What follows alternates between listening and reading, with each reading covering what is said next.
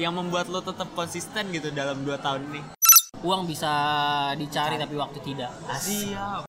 Sekitar ya 10-20 tahun lagi yang paling strategis selain Jakarta tentunya Jabur kalau di Jabodetabek yang paling strategis itu Bekasi lu suka uh, mempertanyakan sesuatu nah lu bagaimana lu memaintain itu dan memuaskan itu Gak semua orang bisa ngelihat bahwa suatu masalah itu adalah cara untuk dia bercermin ke dirinya sendiri gitu.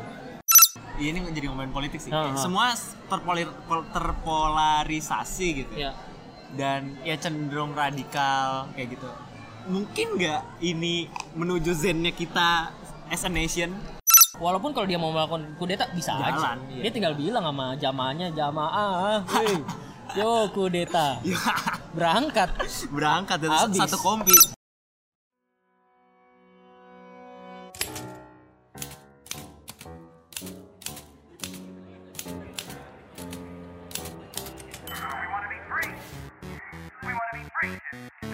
You're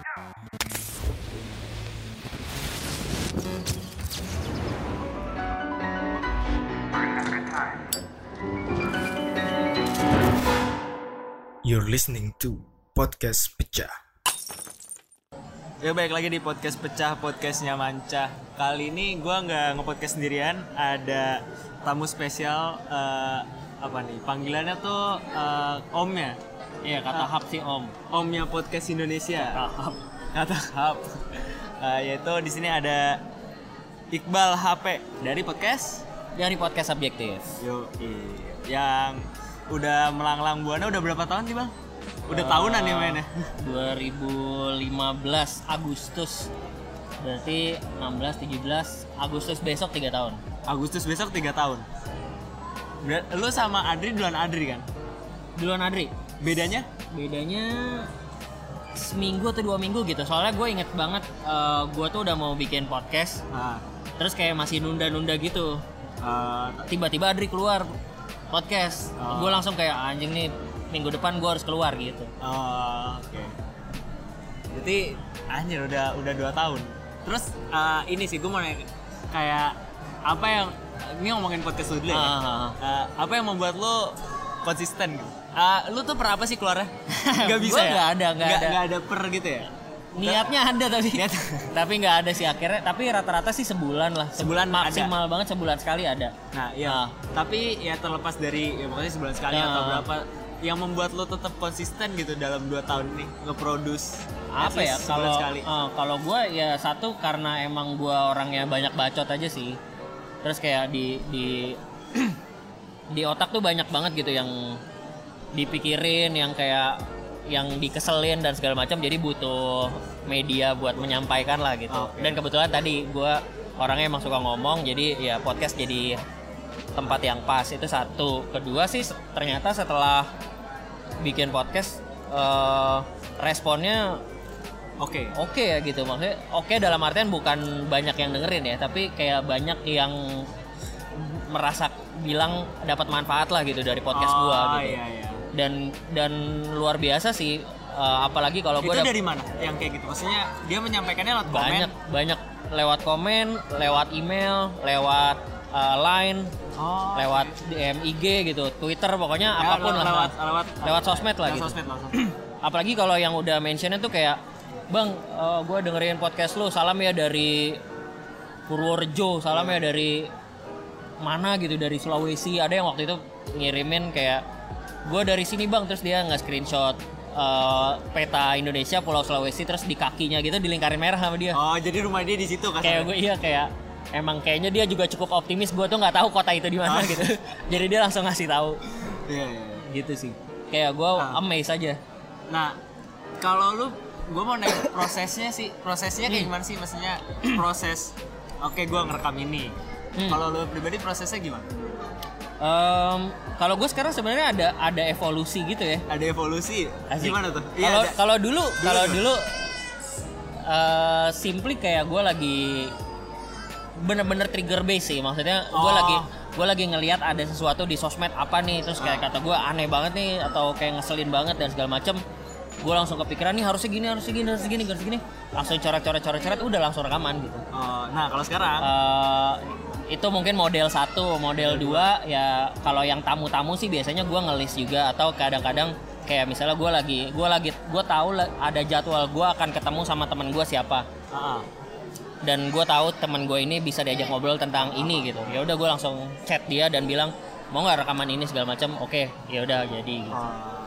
Atau sekarang kayak sekarang sih mungkin yang paling beda karena gua terutama karena dulu awal-awal jomblo sih itu beda banget sih kayak soalnya gue Jadi dari lu sama podcast awal dari masih jomblo Eh. sampai sekarang udah punya istri. iyo i Wadaw. awal-awal tuh kayak banyak banget episode yang gue rekamannya tuh bener-bener malam pagi buta tengah malam pagi buta gitu Oh iya. karena emang misalnya masih di kantor Oke. Iya, Atau- gua gua Oke. Heeh. Enggak, gua gitu, gua gitu. Iya, masih di kantor tengah malam atau eh abis abis waktu itu ada juga episode yang gue abis nonton Adri tuh nonton shownya Adri Oh. nyampe rumah tuh tengah malam banget itu rekaman gitu sih kalau sekarang kan jadi nggak bisa gitu Jadi kan nggak bisa gitu.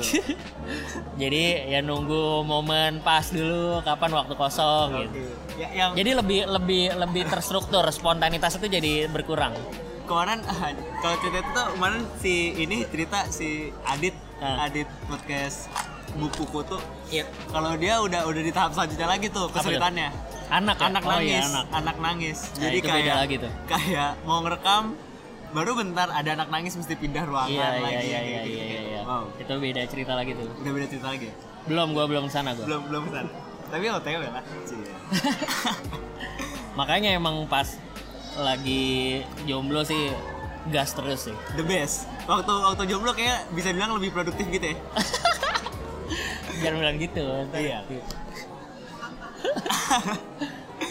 Enggak, sebenarnya bu- bukan ya produktif mungkin satu sisi uh, masih bisa diakalin lah, tapi Ah. lebih ke sisi fleksibilitas uh, emosi sih gua ngerasa oh emosinya tuh lebih meluap-luap gitu. Oh, kalau udah ber, berpasangan tuh lebih chill gitu. ya? Lebih chill. Iya. Kayak banyak masalah tuh yang dulu masalah sekarang biasa aja. Iya.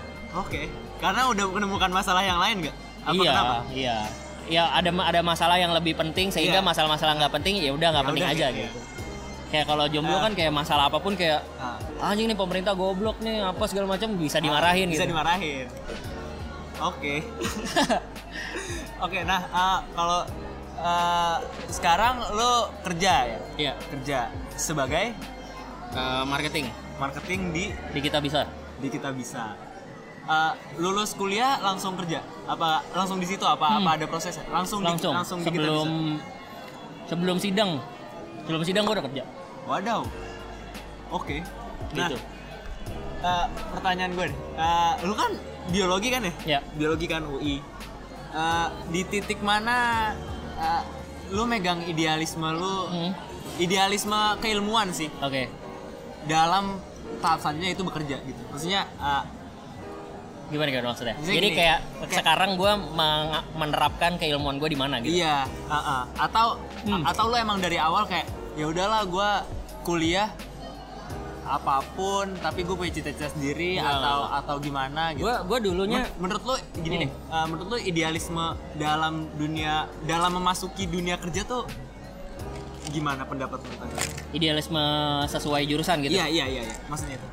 Menurut gua ya tergantung lu nya emang ben kan lu jalanin kuliah 4 tahun nih minimal ya kan. Ah.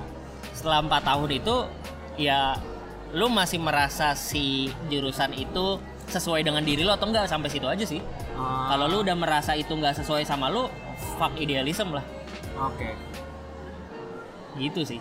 Nah, Unless tapi ada juga yang menurut ada juga teman-teman gua yang gua tahu pada saat mereka udah selesai kuliah, mereka masih masih merasa kayaknya keilmuan gua masih bisa diperjuangkan nih, masih bisa dicoba gitu. Iya, Jadi di awal-awal oke, situ. coba dulu lah yang Nah. masih satu field. Nah. Tapi terus ya nanti resultsnya ada yang meras ada yang cocok, ada juga yang enggak.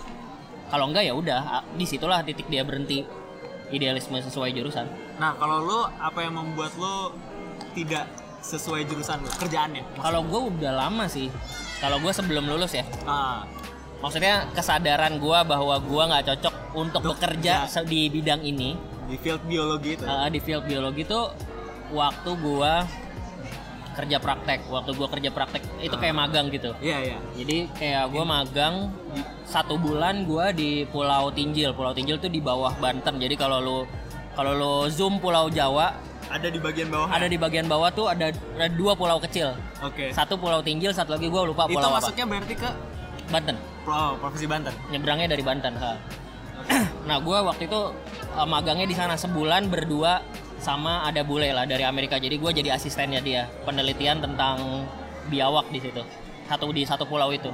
Dan itu gue sebulan di situ nggak ada TV, nggak ada Listrik, Li- sinyal. listrik ada listrik Oh, ada Sinyal. listrik ada sinyal nggak ada Eh, sebulan tuh di situ Sebulan. bulan Januari tiap hari hujan kenceng banget di Ah. tengah hutan gue tiap hari dari jam 7 sampai jam 5 sendirian di tengah hutan keliling karena gue nge-track eh, Nah, biawak itu biawaknya. kan Ah. gitu nah itu masa perenungan sebulan tuh kayak Oh. gue tiap tiap hari anjing nih gue mau nih kerja kayak gini kayaknya gue nggak bisa nih kayak gini Oh, gitu. Soalnya kalau di biologi lu pilihannya cuma dua. Apa tuh? Antara lu jadi orang lapangan kayak gitu. Heeh. Ini yang pilihan umum ya, pilihan lain tentu ada. Tapi pilihan umumnya lu jadi orang lapangan kayak gitu atau lu jadi orang lab. Oh. Nah, gua nggak kalau lab udah pasti enggak gua. Gua nyium alkohol aja udah enek Oke. gitu. Jadi pilihannya Pilihannya gua orang lapangan, tapi pas satu bulan itu gua udah udah udah nggak kuat udah kasarannya nggak ya. kuat. Oh jadi uh, uh, ya itu gara-gara itu jadi lo udah sadar beruntung. Menurut lo itu beruntung? Lu beruntung nggak kayak gitu? Beruntung gua, Beruntung. beruntung. Dan emang itu kesempatannya juga gua ambil secara sadar untuk Ngetes. ngetes gue harus coba nih gue bisa nggak ya gitu kayak ka- karena kalau gue bisa gue akan kerja di sini gitu Uh, kalau kalau itu gagal, oke berarti gue harus siapin untuk masuk ke field yang lain. Heeh. jadi tuh ya kalau gue kalau bayangin sekarang lucu sih karena gue punya jurnalnya juga jadi gue Oh. di selama di sana gue punya jurnal tiap hari gue nulis Oh, oke. gitu Nah, kayak diary gitu dan emang di situ isinya gue pokoknya kan pagi sampai sore gue ke lapangan ya kan Ah. penelitian segala macam sore paling kita makan bareng terus kayak eh, nge-share data apa segala macam nanti udah agak reda gitu gue ke pinggir pantai jadi eh, tempat nginepnya itu nggak jauh lah dari pantai kayak Oke. lo jalan Itu lima- tempat nginepnya apa? Rumah? Apa? Ah, eh, rumah kayu gitu Rumah kayu gitu. ya? rumah apa sih kalau bahasa Inggrisnya Cottage apa sih? bukan cottage, Cottage. yang ya rumah kayu di Ah. tengah hutan gitulah Ah. kayak gitu jadi kayak Shelter. ya semacam itu Ah. itu dekat banget jadi dari tempat situ ke pantai itu kelihatan jadi jalan ke pantai terus kayak gue duduk ngelihat pantai kan ombak Merenung ya. renung gila Di gua time itu ya? yoi, gue jauh dari kota ya kan gue nggak bisa dikontak siapa-siapa Ah, ya in- inilah kenyataan hidup gue kalau gue mau Bekerja. bekerja di bidang ini Oke. gitu apa gue mau hidup kayak gini gitu Ah, akhirnya lu nulis semua itu. Yoi.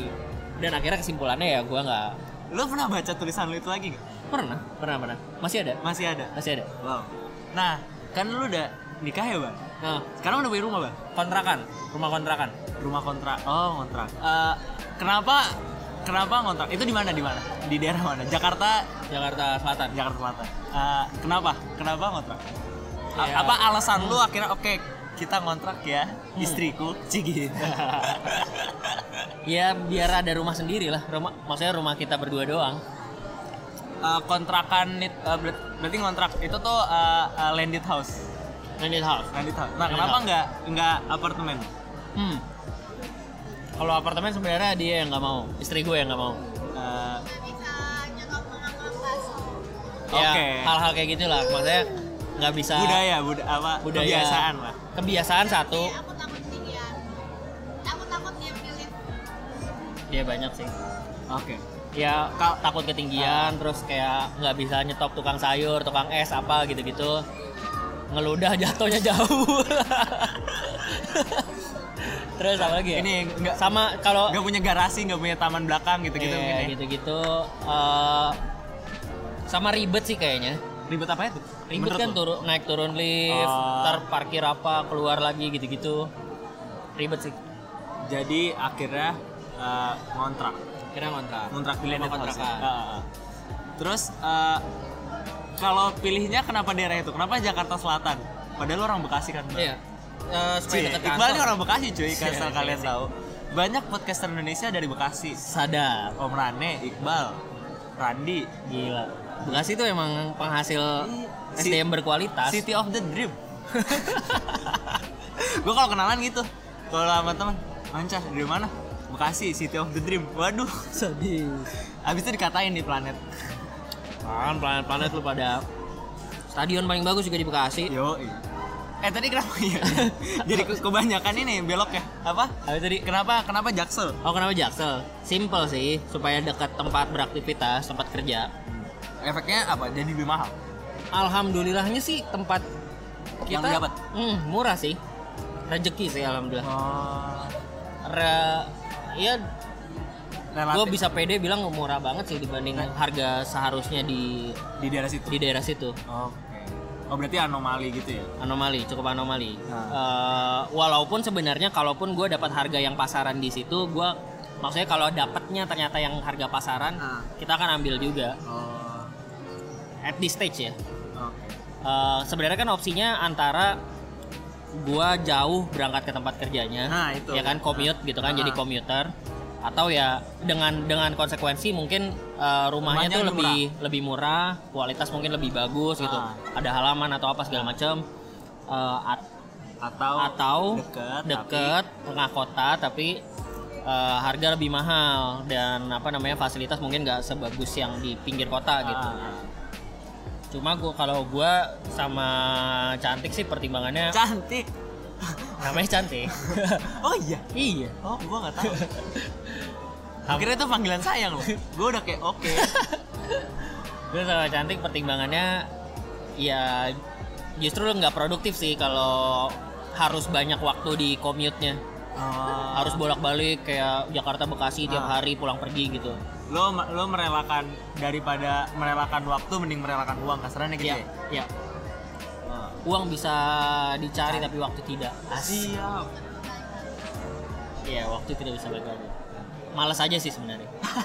Nggak, tapi emang emang benar. Maksudnya gue juga tipe orang yang nggak bisa kayak pergi jauh terus nyampe tempat itu langsung beraktivitas gitu kayak. Ah. Misalnya dari Bekasi ke kantor, terus nyampe kantor langsung kerja gitu. Nggak bisa gue. Harus ada Ada ada istirahat, ada Iya. ada fast, ada pace ya. ada sebat time dulu lah walaupun gue nggak nggak Iya, ngerokok ya. iya, iya. Tapi istilahnya gitu. Ah. Kayak pulang pun sama kayak gue pulang dari Jakarta ke Bekasi nyampe rumah misalnya ya harus nyeduh apa dulu Ah, gitu kan ah. minum dulu nonton dulu apa baru setelah udah berapa lama minimal setengah jam baru bisa aktivitas gue juga sama waktu gua gua magang awal 2000 2017 hmm. itu gue magang di uh, United Nation kan.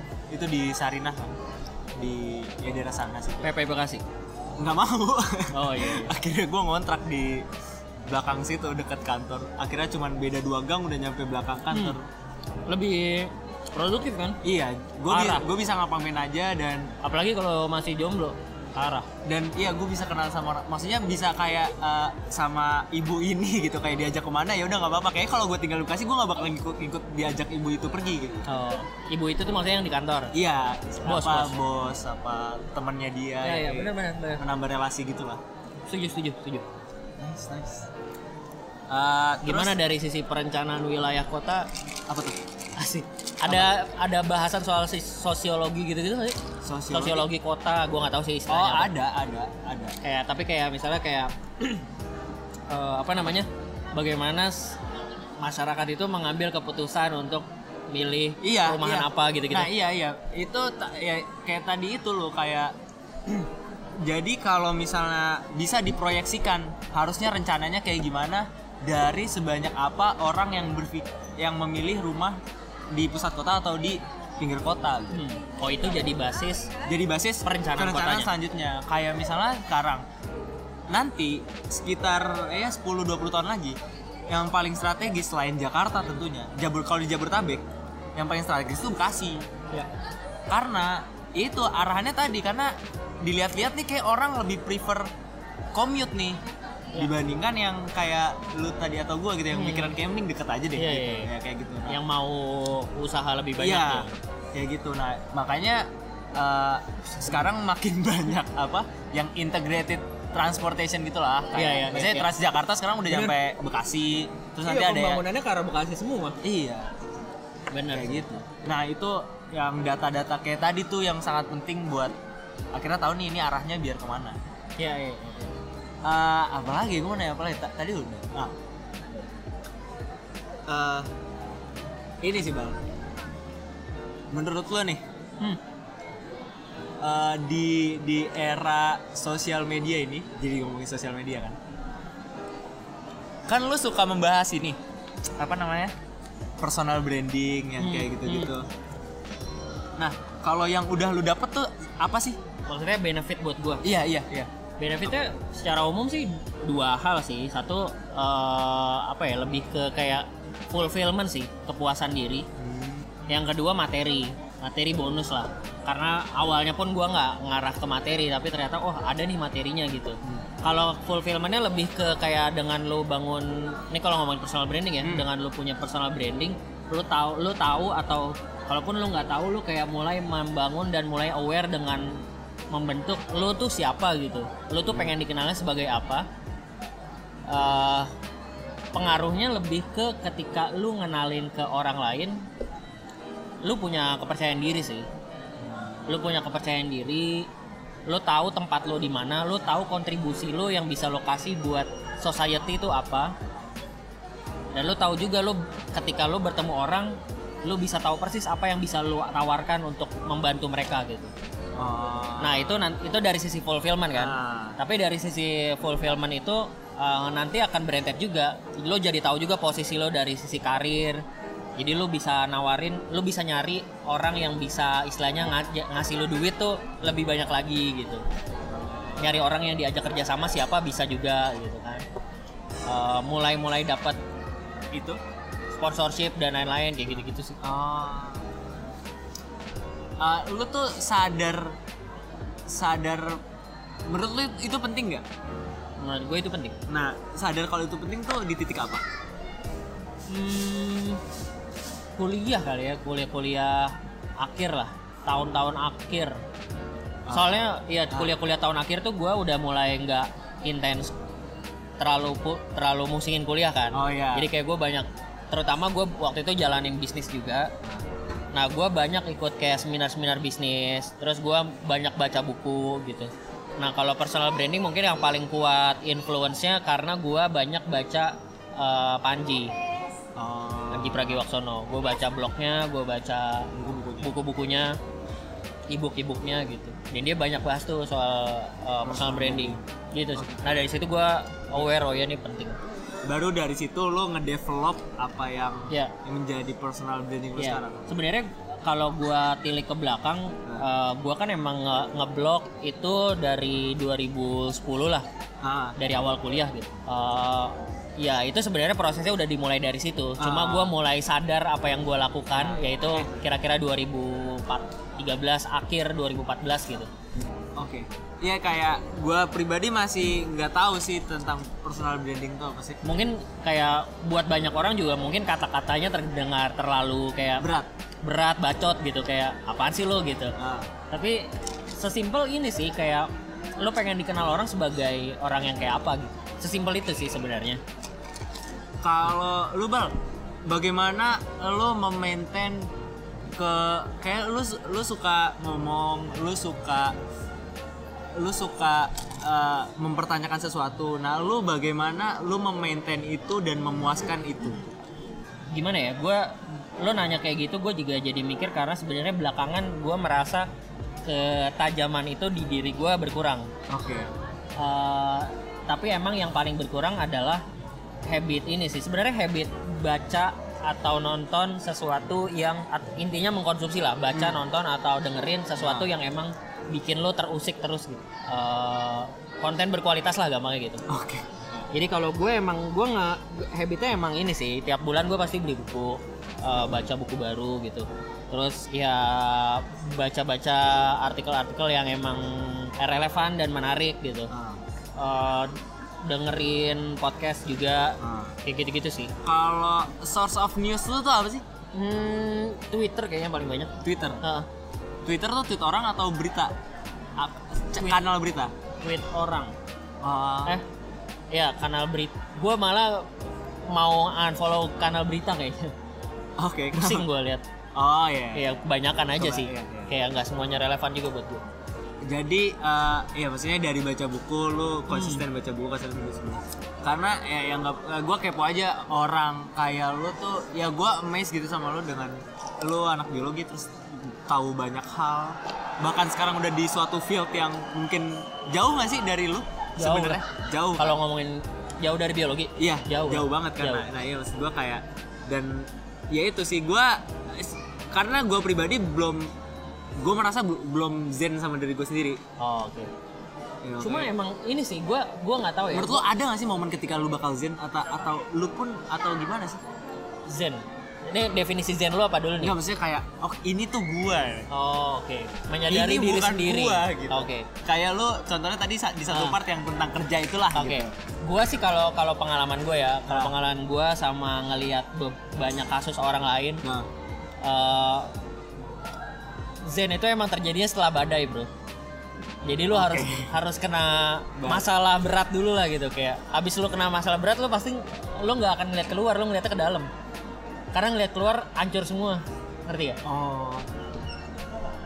Jadi istilahnya kayak kalau lo bayangin kayak misalnya lo eh, ya lo punya masalah apalah gitu ya. Hmm. Ada ada seseorang punya masalah suatu tiba-tiba sakit misalnya. Ah. Sakit parah apa segala macam. Pasti fasenya tuh dia akan nyalahin seluruh orang di Iya. luar dia kayak kenapa Tuhan kasih ini ke gua kenapa orang tua gua nggak pernah ngasih obat yang bener apa segala macam Ah. kenapa orang-orang jahat sama gua dan segala macam dia udah abis tuh di situ udah abis itu nggak ada lagi yang bisa dilihat di luar karena semuanya rusak dia lihatnya ke dalam nah Di dalam situ. dalam proses ngeliat ke dalam itu tapi emang eh, si skala badainya ini beda-beda iya. tiap nah, orang Itu, nah itu, iya, bener. Maksudnya kayak kalau gue sih lebih mau naik kayak ya badai kan selalu masih kayak masalah kan selalu ada. Nah, masalah yang mana nih yang badai itu gitu loh. masalahnya tiap orang itu nggak eh, sensitivitas untuk tahu bahwa sebuah masalah ini adalah apa ya gue gue mau pakai bahasa yang filosofis tapi ntar keberatan banget kayak tadi gue mau bilang nggak semua orang bisa ngelihat bahwa suatu masalah itu adalah cara untuk dia bercermin ke dirinya sendiri gitu kayak mungkin ada orang-orang yang let's say misalnya berantem dikit lah sama orang tua gitu kayak nggak bo- nggak dibolehin nih bawa mobil Ah, ah. dia udah bisa menganggap itu adalah oh gua kenapa ya dengan diri gua kenapa gua berantem ya sama orang tua gua gitu Hmm. ada orang yang kayak gitu tapi ada juga orang yang kayak ya udah emang emang orang tua gua goblok kok gitu Iya. ada juga yang ya udah itu emang masalah aja sampai ketika misalnya dia tiba-tiba eh, ditinggal kawin sama Ah. ceweknya gitu misal baru dia merasa itu badai Paham, paham, paham. Maksudnya kayak bisa untuk orang ada beberapa orang yang kayak contoh tadi misal buat masalah mobil itu aja dia bisa langsung dia bisa bercermin. langsung- iya dia bisa langsung jadi momen zen Iya.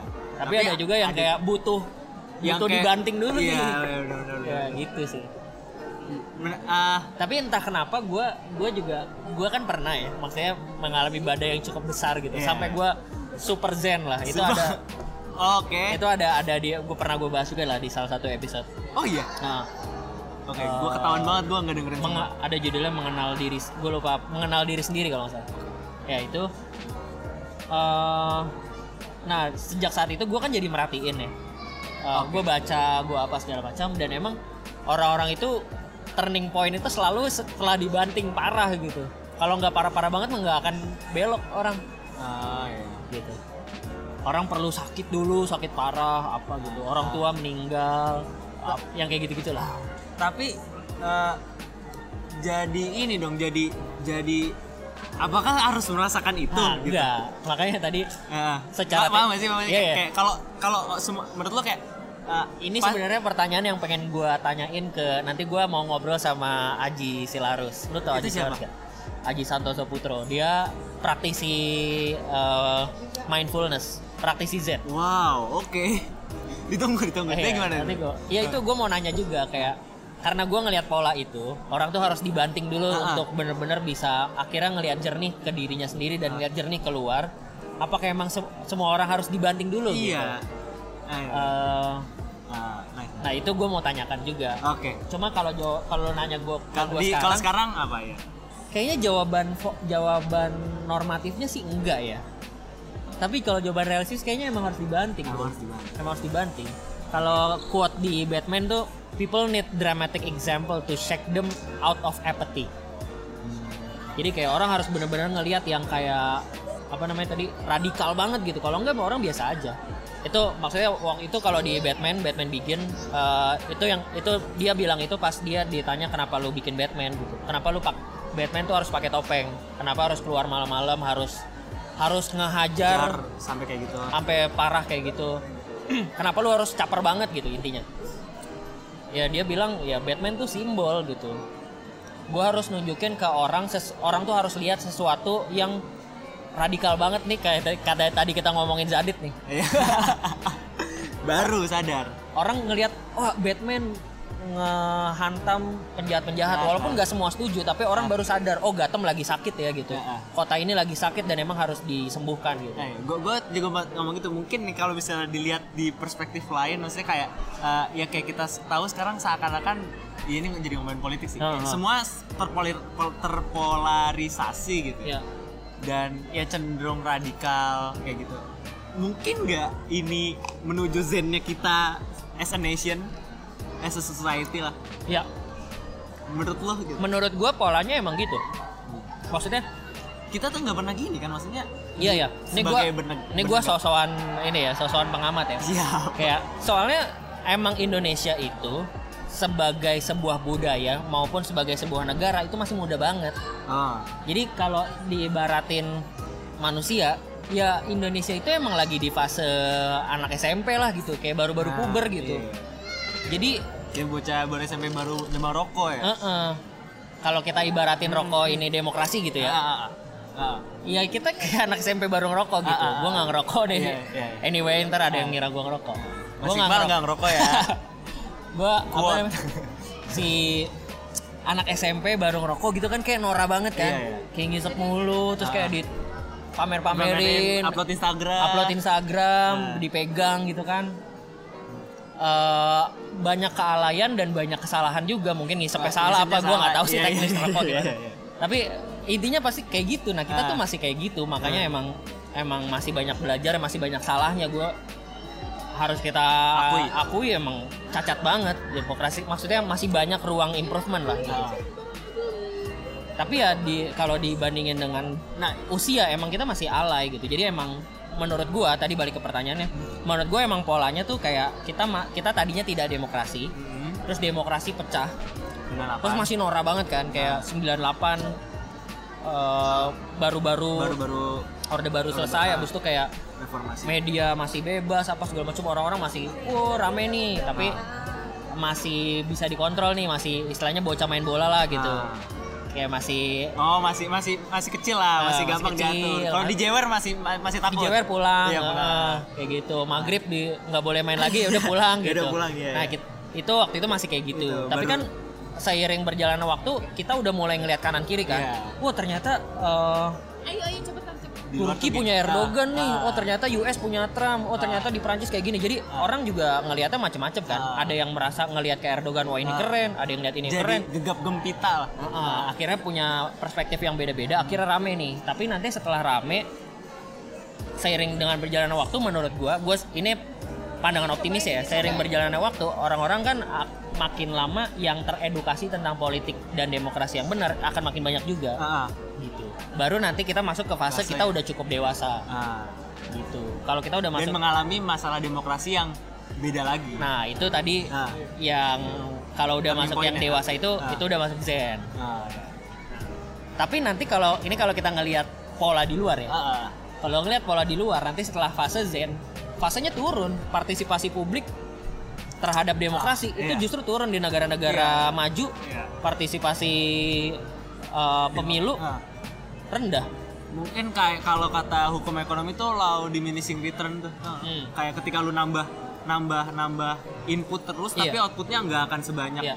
input yang lu tambah. Ini correct me if I'm wrong ya. Iya. Cuma seingat gua di artikel-artikel terakhir yang gua baca, ya emang di negara-negara maju semakin maju negaranya semakin rendah partisipasi publik di pemilu gitu karena orang udah istilahnya gampangnya negara emang udah udah cukup mapan gua nggak perlu tahu siapa pemimpin gua hidup gua baik-baik aja gitu Ah.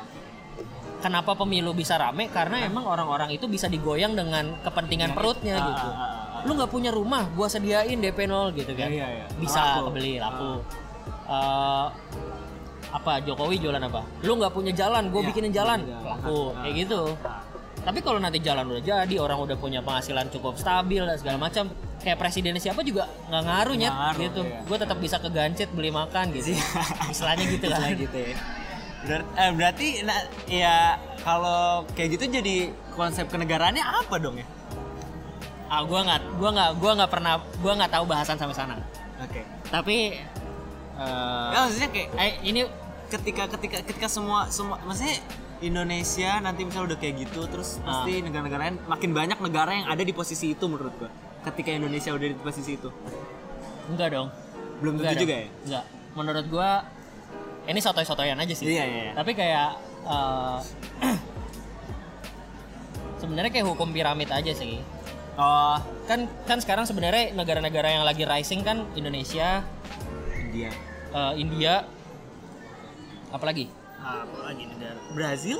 Brazil ya, Eh, Cina juga. Cina kan udah mau lagi Cina, saingan nih ya. sama. Yes. Nah negara-negara ini naik, negara-negara yang dulunya maju turun. Yunani bangkrut, apa bangkrut gitu. Nanti makin banyak menurut gua negara-negara yang bangkrut.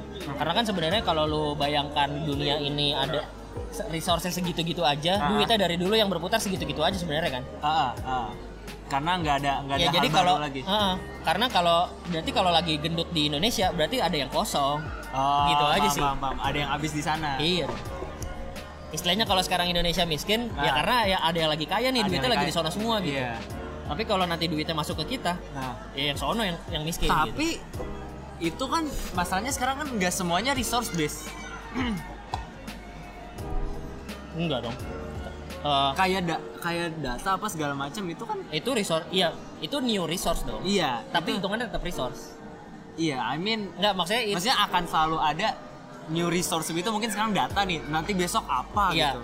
Data muncul baru, Ah, ah. tapi minyak habis kan. Iya. Nah, gitu. Oke, ya lain. Nggak? Oke oke oke. Nice. Kita udah nggak pernah kita kita akan berhenti perang untuk minyak, Ah. tapi kita akan jadi perang, Perang untuk untuk data, data. gitu misalnya. Eh, oke. Ya, mantap, mantap. Lu ada bahasa nggak? Bang? Apa ya? Apa? Eh, lu mau lu berani ngomong Jawa Barat nggak? Boleh. Boleh. Nih, ini gua gua rada gemes nih. Lu eh, Jawa Barat kan? Ya, KTP Jawa Barat. Udah punya pilihan. Eh, Masih menimbang. masih menimbang, masih menimbang. Apa yang perlu pertimbangkan? Enggak ding, gua tuh enggak nyari aman. Ya, makanya. Enggak enggak, gua gua gua gua udah punya pilihan. Gua udah punya pilihan. Oke. Gua udah punya. Lu udah punya lu udah Jawa Gue Barat udah punya pilihan. Oh, Nah, just kayak gue tuh cukup gem, gue walaupun gue belum pernah me, me- apa ya, mer, mensurvey juga sih. Nah. Tapi gue cukup gemes kalau apa namanya, kalau dengan jawab pilkada Jawa Barat gitu, karena menurut gue pilihannya clear banget gitu. Iya nggak sih, Nah, kayak ini kayaknya perlu kayak kayak nggak eh, di Jawa Barat mungkin nggak ada istilah eh, choose the lesser to of ada. evil gitu kayak sana. nggak ada ya Ah. choose the good one aja Iya. good one-nya clear gitu menurut Ah, gue ah, ah, ah. Ya kan maksudnya biasanya kalau pilkada Iya. pemilu Iya, apa pun iya. itu paling kita ya choose the lesser. tapi emang tapi cukup mengkhawatirkan gimana ini bahas enaknya ya gue gimana tuh? Enggak, lu arahnya ke mana sih nih? Ah Arahnya arahnya gue sebenarnya mau mau bahas tadi bahwa sebenarnya Jawa Barat ini pilihannya clear banget gitu pemimpin yang paling jelas yang butuh yang emang kita butuhkan nah cuma emang gini yang paling ngeselin dari pilkada menurut gue adalah pilkada selalu di disambungkan dengan pilpres gitu kayak lo Oke. milih lo milih gubernur itu pilih yang supaya presiden lo menang gitu ah. padahal kayak Enggak ada hubungannya. Ada hubungannya sebenarnya ya Tapi secara tidak tidak perlu. secara sistem politik sebenarnya berhubungan tapi yang jadi korban justru rakyat karena gue mau milih gubernur gitu yang emang sesuai dengan kebutuhan daerah gua. Gua nggak peduli sebenarnya gua harusnya tidak perlu peduli dia nanti akan memilih Ber- siapa. ah, dalam konteks dalam presiden. konteks presiden bener. Konteks presiden nanti lagi gue pilih lagi gitu. Tapi sekarang kan gamenya jadi mau nggak mau harus seakan-akan linear gitu. seakan-akan linear. Tapi emang secara politik Politik pasti iya. pasti nyambung sih gitu sih. Gue cuma kalau Jawa Barat mungkin yang paling clear juga adalah gue akan kesel banget. Sebenarnya gue nggak boleh kesel sih sama pilihan orang. Cuma gue gemes aja kalau ada yang pilih eh, calon karena calon tersebut mendukung presiden atau gan eh, mendukung ganti presiden kayak nggak nyambung gitu. Kalau enggak, gue mau jadi mana ya? Eh, lu tuh mending milih karena keberpihakan kayak gitu. Hmm? Maksudnya itu kan keberpihakan Iya, kan keberpihakan presiden gitu Iya. atau hmm. Atau milih karena agama. maksudnya yang mana yang lebih cocok eh lebih bener Menurut lo iya. Men- lebih mending yang mana? agama Mending yang agama. agama Karena karena agama identitas ya maksudnya hak orang juga dong untuk milih secara agama Ah. maksud gue kayak gini kayak itu sama kayak kalau di US tuh ada black caucus iya. Ah, Ah. ada black caucus kan Ah. orang hitam ya milihnya orang Nah, yang hitam, gitu Ah, ah. apakah dia rasis karena orang hitam milih hitam Enggak. enggak kan dia milih seseorang yang akan mewakili suaranya Suara dia dia, ya. nah orang yang milih yang agamanya sama menurut gua stance-nya jadi sama dengan Ah. orang yang milih karena race-nya sama Ah. di US kayak gitu Kalau lu kalau nah kalau keberpihakan Ah. itu kan kalau konteksnya yang tadi ya Ah. ketika lo milih sosok pilkada tapi yang lu jadikan patokan adalah karena keberpihakan ya? dia keberpihakan ke presidennya ini Ah. lu salah lu salah tempat gitu harusnya ya yang lu yang lu tempatkan adalah kepentingan daerah lu bukan karena nasional nasional nanti gitu gampangnya nah, gitu Nah, nah sebenarnya itu ngelit ke pertanyaannya. Kalau misalnya ada orang tambahan lagi nih. Oke. Yang satu karena misalnya kepentingan. Maksudnya kepentingan dia. oke Jadi misalnya let's say dia dia orang Mekarta Iya. Enggak, enggak usah, enggak usah orang Mekarta deh. Itu mah kepentingan banget. orang maksudnya ya keuntungan gitu. Ya, gimana, Kalau misalnya dia orang biasa, tapi dia punya tambang pasir gitu misal. Nah, terus ada ada satu calon nih yang yang yang sangat-sangat kayak dia bakal bangun banyak nih gitu dari, dari program-programnya gitu kasarannya. Hmm. Nah, itu kan berarti dia bisa berkepentingan nih, Ya. dengan memilih si orang itu. Nah, ada jadi sekarang ada tiga tuh, ada tiga orang itu. yang mana ya gue kayak masih merasa hmm, wajar nggak ya kalau gue milih karena gue punya kepentingan karena kalau misalnya gini kan kayak kalau gue pedagang kain gue milih Iya. dia Karena kain dia bakal kayaknya bakal kayaknya bakal laku nih. Nah kayaknya nggak apa-apa deh Kalau dibandingin agama mending mana gitu.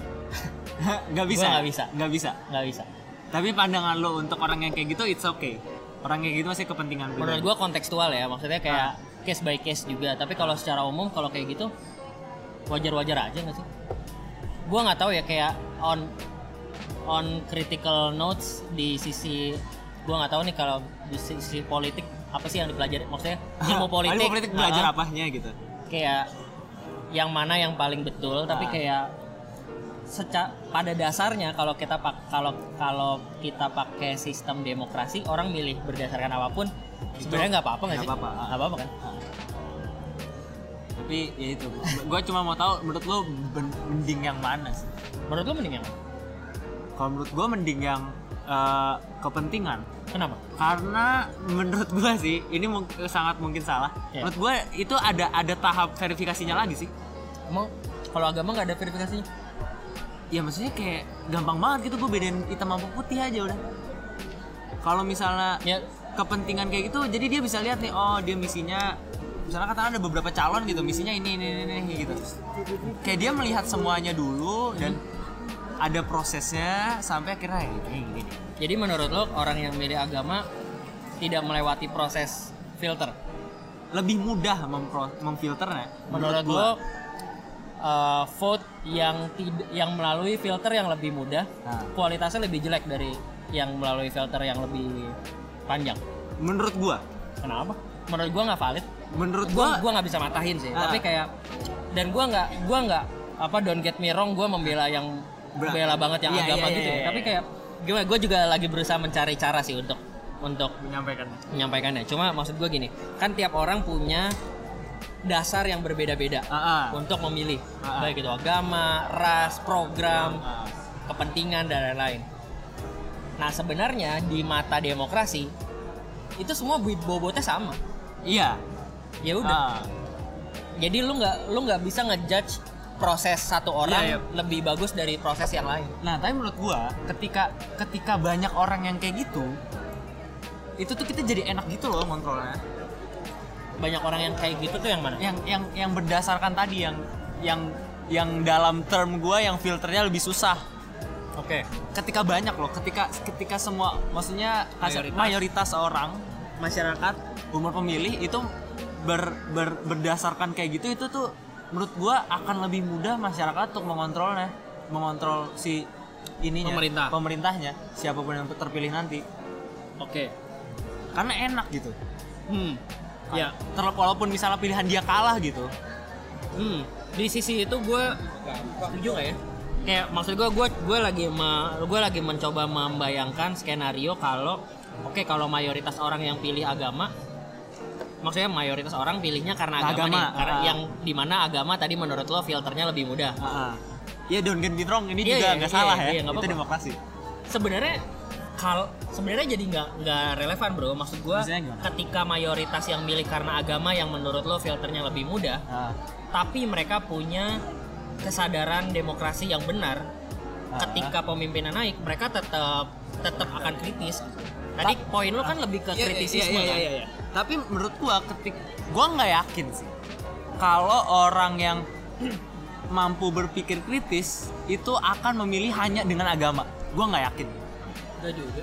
Enggak, ini gua gua ngomong yang Gimana, real. gimana, ya. gimana, gimana, Gua gimana? ngomong yang real ya. Gimana? Banyak banget enggak maksud gua kayaknya ya. Gua gua nggak punya data juga. Nah, Tapi banyak banget kok orang yang ini kan ini gua kalau mau gua simplifikasi ya.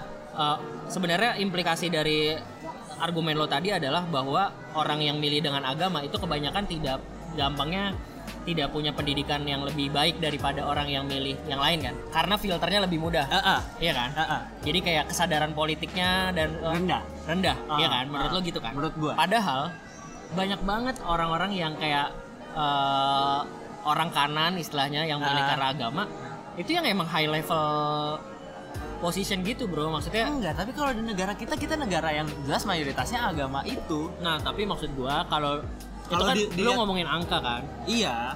nggak bisa Nggak, maksud ja- nggak bisa? nggak maksud gua jadi invalid dengan dari tadi kan kita ngomongin bobotnya masing-masing Oh, bobot. satu Oke, kita ngomongin bobot. kita nggak ngomongin mayoritas Ah, ah. kita masih ngomongin kayak masing-masing argumennya dengan Iya, pilihan oke dengan dasarnya agama satu, ah. lu nggak bisa ngejudge kalau masing-masing orang satu ah. lu nggak bisa ngejudge orang yang milih agama itu kesadaran politiknya lebih Ah. rendah dibandingkan dengan Nah, orang yang milih iya. karena itu Tapi ya oke, kalau misalnya kita naikin jadi bahaya dong dengan melihat real condition negara kita tuh mayoritas negara eh, agama itu hmm.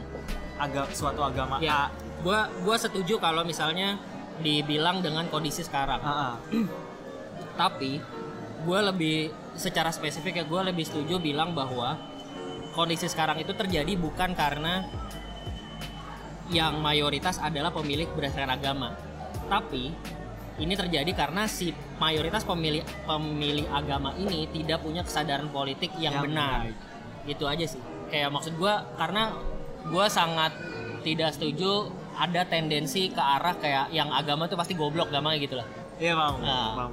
karena jadi jadi justru itu yang, Yang itu bahaya. itu yang bahaya maksudnya kalau orang udah bermindset bahwa orang yang milih karena agama pasti goblok, Goblok. berpentingan rendah su- kualitas suara dan argumennya lebih lebih jelek daripada yang eh, argumennya lain Ah. itu yang bikin polaritas gitu Tapi aduh, enggak gua jadi kepikiran gitu kalau bisa nggak sih kayak ya udah gitu. eh, ada nggak sih de- demokrasi yang menutupi semua identitasnya gitu.